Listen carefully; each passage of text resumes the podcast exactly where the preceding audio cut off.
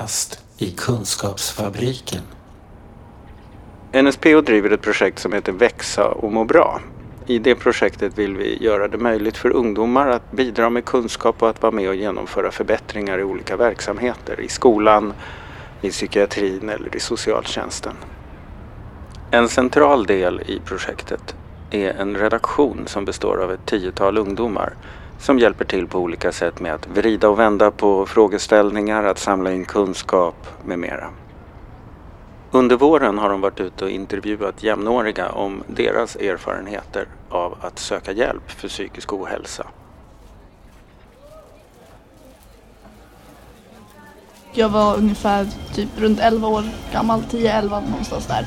Jag eh, hade väldigt svåra familjeproblem och trivdes inte så bra eh, hemma. Jag gick ner väldigt mycket vikt, jag slutade äta, jag liksom sådär och det var mina närstående som hjälpte mig att söka hjälp och som såg allvarligt i situationen. Ganska många av mina kompisar eh, har sökt liksom, hjälp inom, eller liksom, av de anledningarna. Jag själv har ju bara sökt, till, sökt hjälp hos kuratorn på skolan. Ja, men det började ju med att jag gick till kuratorn i skolan. Eh, och eh, då så det var mest för att jag var väldigt skoltrött och det var väldigt stressigt och mycket läxor. Och sen så hade mina föräldrar också skilts så det blev lite mycket då. Men sen så skickade kuratorn mig till BUP för att få en vidare behandling. Eh, jag sökte hjälp inte förrän jättesent in på min eh, alltså, alltså, den tiden som jag haft panikångest. Jag fick det 2015 och jag sökte inte hjälp alltså, hos en psykolog förrän nu för något halvår sedan. Eh, ja, eh, min eh, vän han sökte vård eh, för ett par månader sedan. Eh, och han eh, gick på massa möten eh, för han hade haft drogmissbruk och så gick han på massa möten för att kunna liksom lösa upp det. Jag var bara typ nere och deprimerad och typ kände så här, inte typ självmordisk eller vad man säger. Ja, men bara här nere och kände mig att jag inte ville gå i skolan och typ såhär, jag är skoltrött, bla bla bla. typ, ja. Jag söker själv, jag mm. gör alltid allting själv. Jag är väldigt okay. såhär, eh, vad heter stabilt människa, mm. självständigt. Ja. Mm. När jag var 16 år så fick jag diagnosen anorexi. Det var faktiskt jag som sökte hjälp, men första gången jag sökte hjälp så var det för att jag misstänkte att jag var deprimerad. Det var hos eh, skolkuratorn på min gymnasieskola. Eh, det tog ett tag innan jag berättade för mina föräldrar vad som hade hänt. Ehm, så du sökte liksom utan att de visste? Mm, precis. Så det var väl mest att min mamma hade insett att jag väl var självdestruktiv just då. Vilket liksom jag inte är längre. Eh, samt typ så depression och typ standardsaker när man väl är tonåring.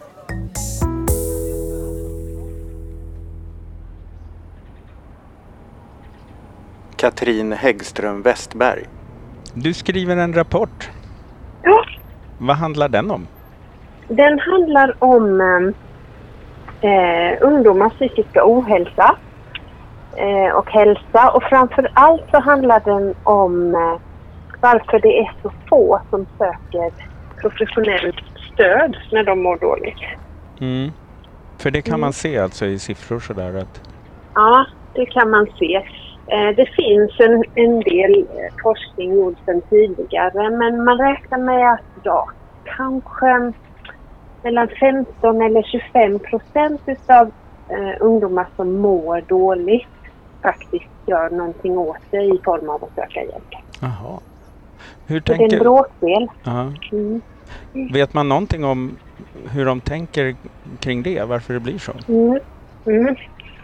Eh, de försöker själva på alla möjliga och omöjliga sätt. Mm. Eh, och eh, med olika strategier. Eh, Men är det då för att man inte förstår att man mår dåligt eller att man tycker det är skämmigt? Liksom? Mm. Det är både och egentligen. Mm. Man, kan, man kan säga så här att eh, det jag har sett är att de, de förstår ju naturligtvis att de mår dåligt men de, kan, de har svårt att värdera sina symptom. För de har väldigt vaga uppfattningar om vad psykisk hälsa och vad psykisk ohälsa är. Så det innebär att om de, de mår dåligt så känner de kanske att nej men jag är säkert inte tillräckligt dålig för att söka hjälp. Nej. Vad är det som krävs för att jag ska få hjälp? Ja, just det. Mm. Mm. Tidigare forskning, alltså inte min forskning då, men de har pratat mycket om stigma. Men jag ser inte det lika mycket i min forskning. Kafferast i Kunskapsfabriken.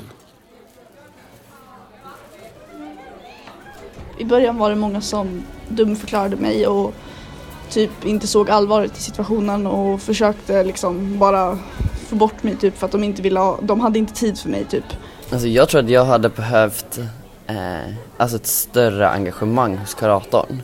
Alltså bara ta ett steg för att få hjälp med sin psykiska ohälsa är ganska stort steg och tar, alltså tär ganska mycket på en. Eh, att jag tycker man behöver en vuxen som liksom kan pusha en vidare och riktigt den hjälpen fick jag inte hos vår kurator eh, på skolan. Så jag sprang in i omklädningsrummet eh, på något vis och ringde till min mamma och då sa jag bara kom hit, jag mår inte bra. Um, och jag, var, jag satte mig ner på golvet i omklädningsrummet och väntade på att det här på något, um, på något sätt skulle försvinna och eh, att jag skulle må bra igen och kunna gå ut och fortsätta träningen som vanligt. Eh, Men det blev inte bättre utan jag fortsatte så kallsvettas och ehm, få tunnelseende och allt, allt sånt där. Det kändes helt ärligt som att jag var på väg till att dö. Han, eh, han gick på det, men han gillade det inte. Och han förändrades inte jättemycket faktiskt. Han, eh, han var kvar liksom på sitt, sina gamla spår fortfarande. Liksom. Men jag tyckte att, jag tyckte att, eh, att jag och min psykolog kom in på lite, an, hur ska man säga, det, vi kom in på saker som inte riktigt rörde ämnet om man säger så. Alltså andra problem som jag har fast in, som inte har med min panikångest att göra. Alltså jag slutade gå hos min psykolog. Ehm, för jag tyckte inte att jag fick den hjälp som jag behövde. Med tanke på att jag inte var 15 så är det liksom så här att föräldrar måste följa med på mötena. Så min mamma följde med vilket inte var det bästa med tanke på att hon manipulerade med kuratorerna eller psykologerna eller vad man ska säga.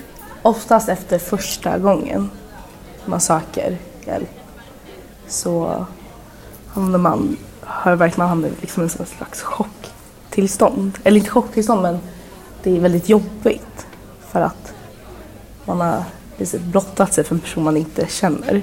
Eh, jag fick antidepp och folk bevakade mig med tanke på att de tyckte att jag var rätt så stabil. Och ifall jag inte tog medicinen så skulle jag inte få någon kontakt med dem och hade ingen kontakt med BUP förrän 2016.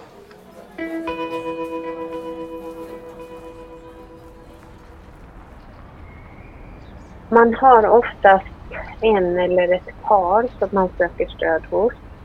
Antingen någon vän eller i familjen. Eh, men man är ganska selektiv med hur många man söker stöd hos.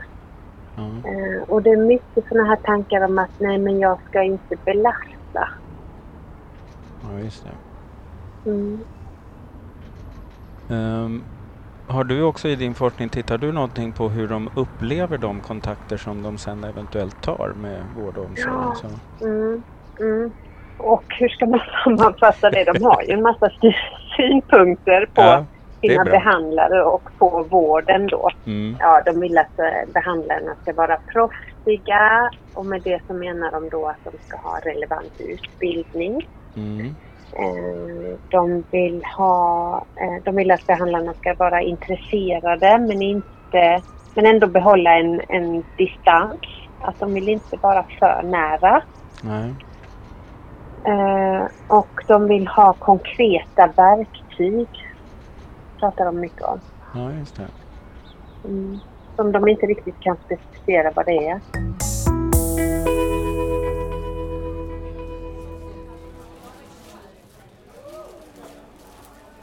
Först var jag typ ungdomsmottagningen och sen så gick, skickade de mig vidare till typ så här, ja, massa saker och ja, så fick jag gå till typ eh, något ställe, jag kommer inte ihåg vad det hette, men jag fick typ sitta med några grupper och bara prata och det hjälpte inte. Jag tycker ändå inte om sådana här psykiska grejer för det passar inte mig för det mesta och eh, ingen kan komma in i min ja, vägg kan man säga. Eller, jag, jag, jag är inte öppen för alla människor.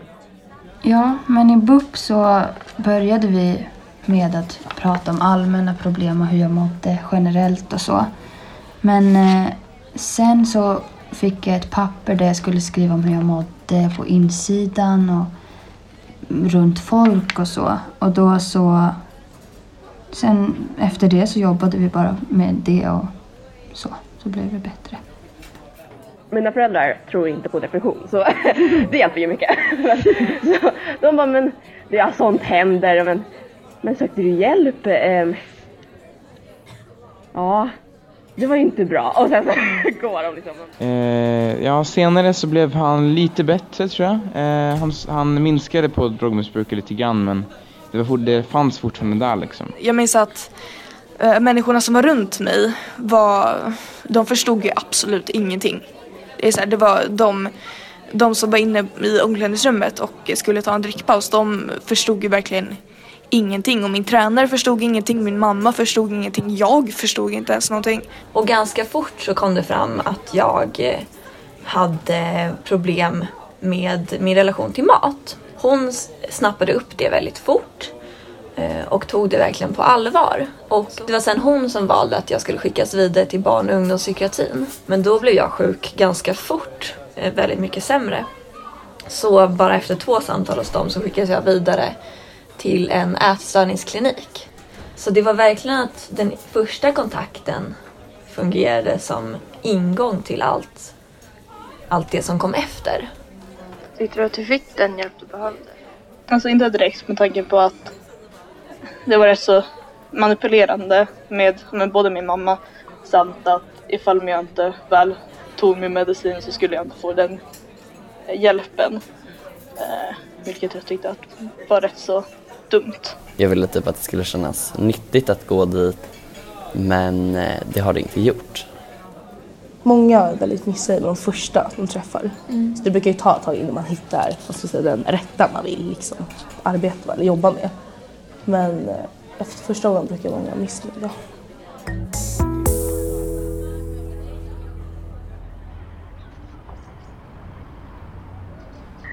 Um, förutom då den här okunskapen om psykisk ohälsa så har, har de inte heller någon susning om var de ska söka någonstans.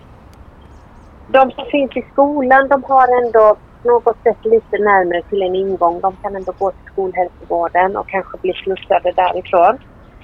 Men de som är äldre då, de får först söka till vårdcentral för att kanske få en sjukskrivning. Sen så är det så långa köer för samtalskontakter så då söker de sig till ungdomsmottagningen.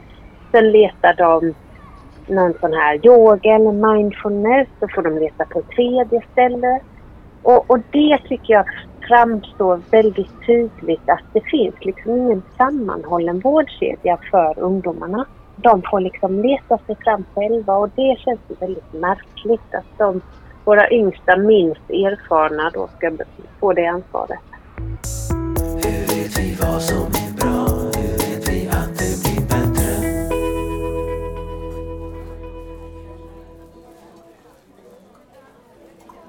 Um, och det är ju så att när man, när man får en panikattack då är det ju då människorna runt om en kan ju inte riktigt hjälpa en förutom att finnas där för en när det händer. Så man måste ju lära sig att kunna hantera det själv. Uh, även fast det, det är jobbigt så finns det inget annat sätt att, liksom, att lugna ner sig själv. Jag mår bra.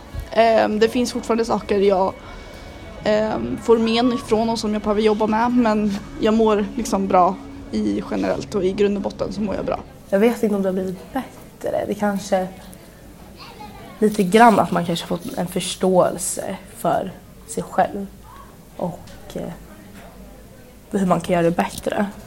Ja, men efter att jag fick hjälp så mådde jag väldigt bra när liksom, min ångest och så hade försvunnit lite mer. Så Ja, men då så började jag komma in i min vanliga livsstil och sen så har det bara gått bra sen dess. Så fort du har löst eller listat ut det sättet som, uh, som hjälper dig i en panikångestattack att du ska förmedla den till alla människor som är runt om dig så att alla vet vad de ska göra och vad det är som orsakar en panikångestattack hos dig. Eh, vad är din viktigaste erfarenhet av att ha sökt hjälp? Att när man väl har tagit det första steget så finns det otroligt mycket resurser. Det finns hjälp att få. Det gäller bara att man tar det första steget så man kommer in i systemet. Eh, jag fick medicin för min ADD vilket hjälper mig i pluggandet och grejer. Tycker du att du fick rätt hjälp? Nej. Alltså för mig så är jag, jag, tycker jag själv löser problemet bättre än någon annan gör det. Att inte ge upp och tänka, ah, men okej en är dålig, då är alla dåliga. Utan det finns ju bra, det är liksom, det är inte över så. Så mitt tips är att fortsätta våga. Det är jättestarkt att man liksom redan vågar första gången söka hjälp. Mitt tips är att fortsätta söka hjälp.